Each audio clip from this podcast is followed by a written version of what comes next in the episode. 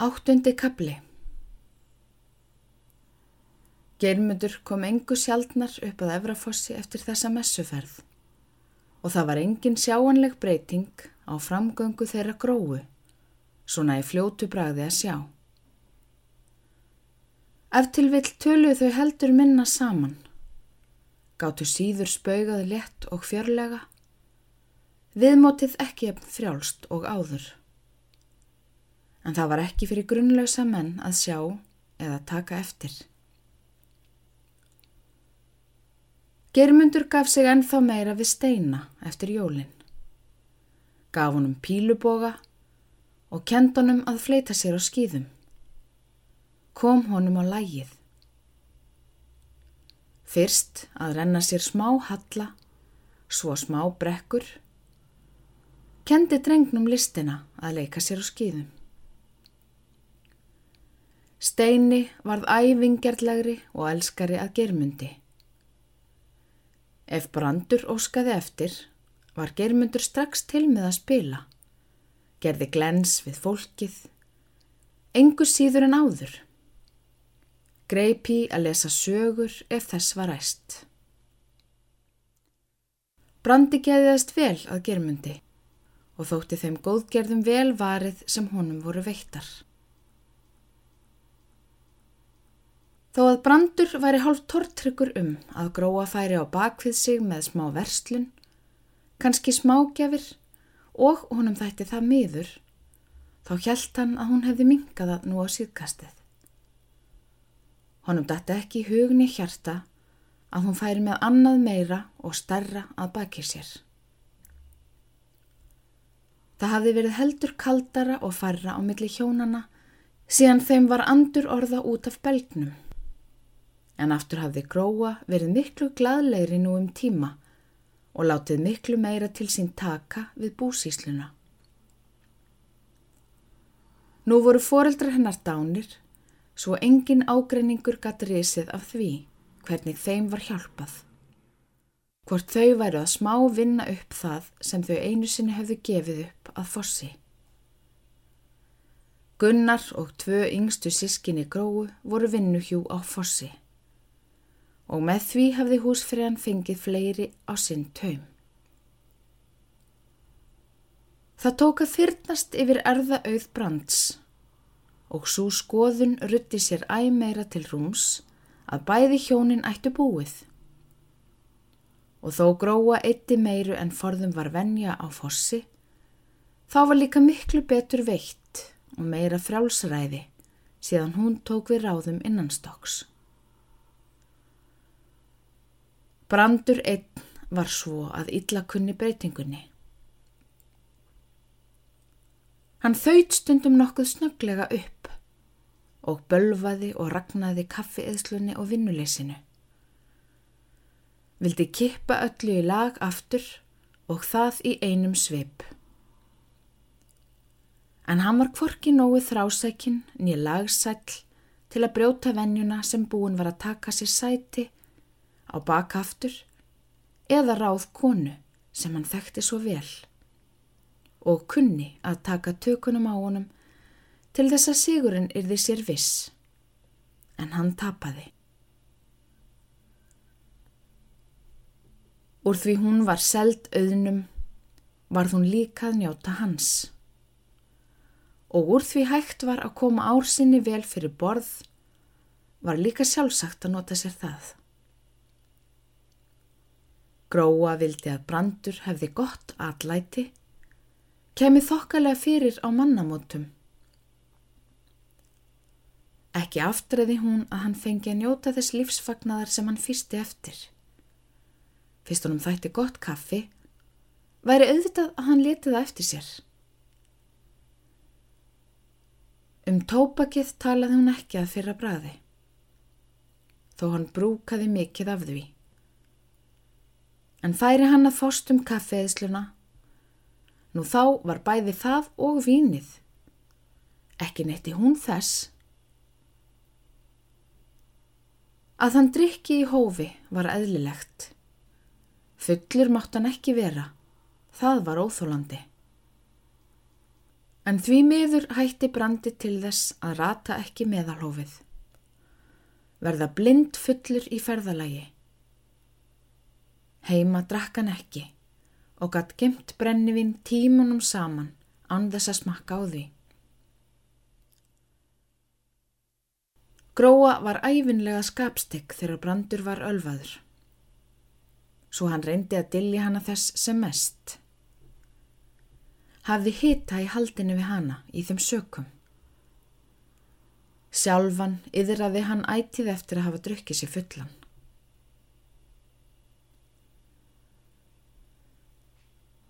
Gróa var óró í skapi þó hún reyndi að dilja það sem best.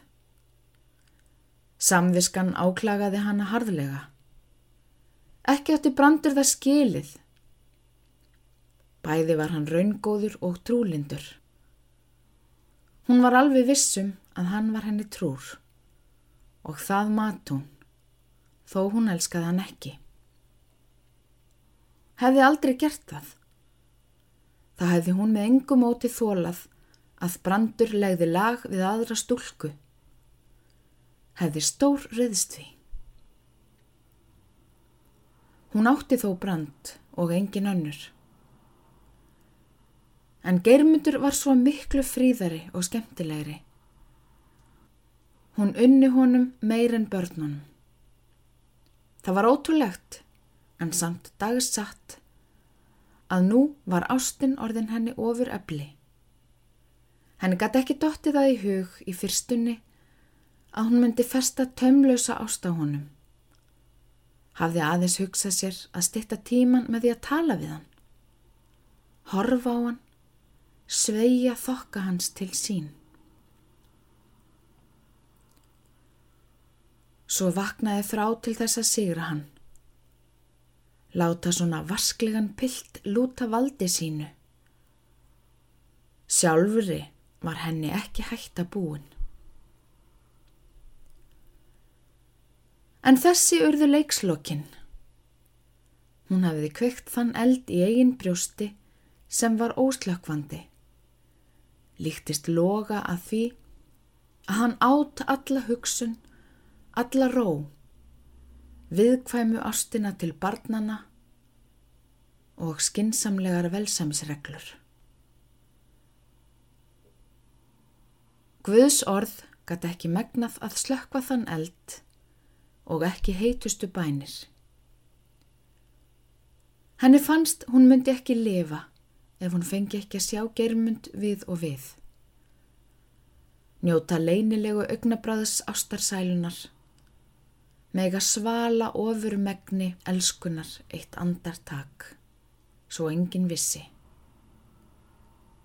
Engin lifandi maður mátti vita það. Ef germundur yfirgæfi hana, festi ást á annari stúlku, þá gæti hún ekki lifað hendi sér í fossin, einmitt í fossin sem hvað og seti til sín. Hvað hún myndi hata germund og þessa bölvaða stelpu sem gynnti hann frá henni. Þetta lausungar áhrak og skyndi skeppnu. Hún varð að breyta svo við brand að hann grunaði aldrei neitt fengi aldrei minnstu átillu. Aðalreglan var það að vera hyggin og kæn, með þeim hætti væri helst hugsandi að geta lifað.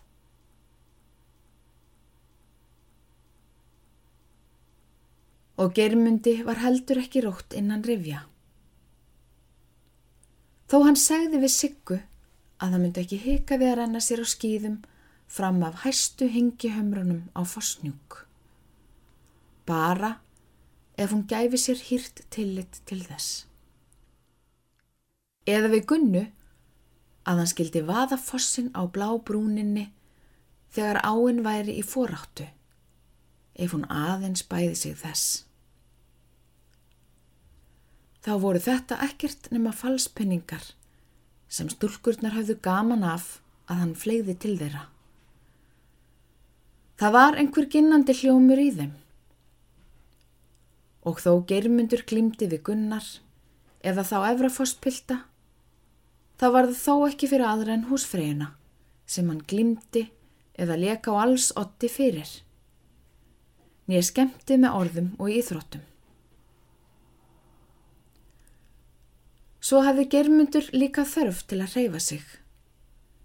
Þörf fjörmikils æskumans til að reyna sig við aðra og prófa aflsitt og atgerfi.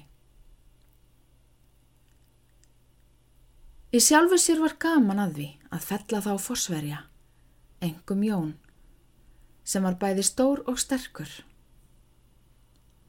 Og er gróa horði á, eða ef það bærist í tal svo hún heyrði, þá þótt hún mekkert að því. Hvað forbóðinni ávöxturinn var sætur og einn skinnandi og hann var í eten forðum.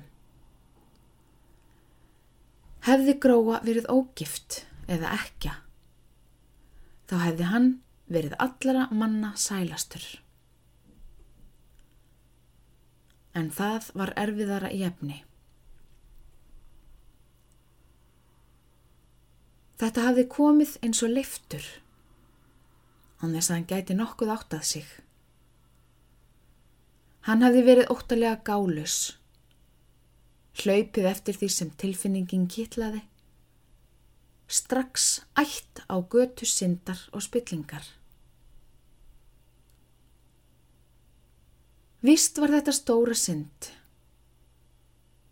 en honum fannst samt að hann hefði tröðulega þrekt til að slíta sambandi og ást þeirra. Ef brandur skildi nú deyja, helst var það í skapi hans að óska þess, að hann andaðist á sótarsæng. Svo skammaðist hann sín fyrir eins ógvöðlegar hugsanir. Svona gæti það aldrei haldist til lengdar. Annarkvort var að skilja og hann færi eitthvað burt úr dalnum eða þá hann hlaut að leggja allt afl og þrótt fram til að græða, græða á tá og fingri, vinna og spara.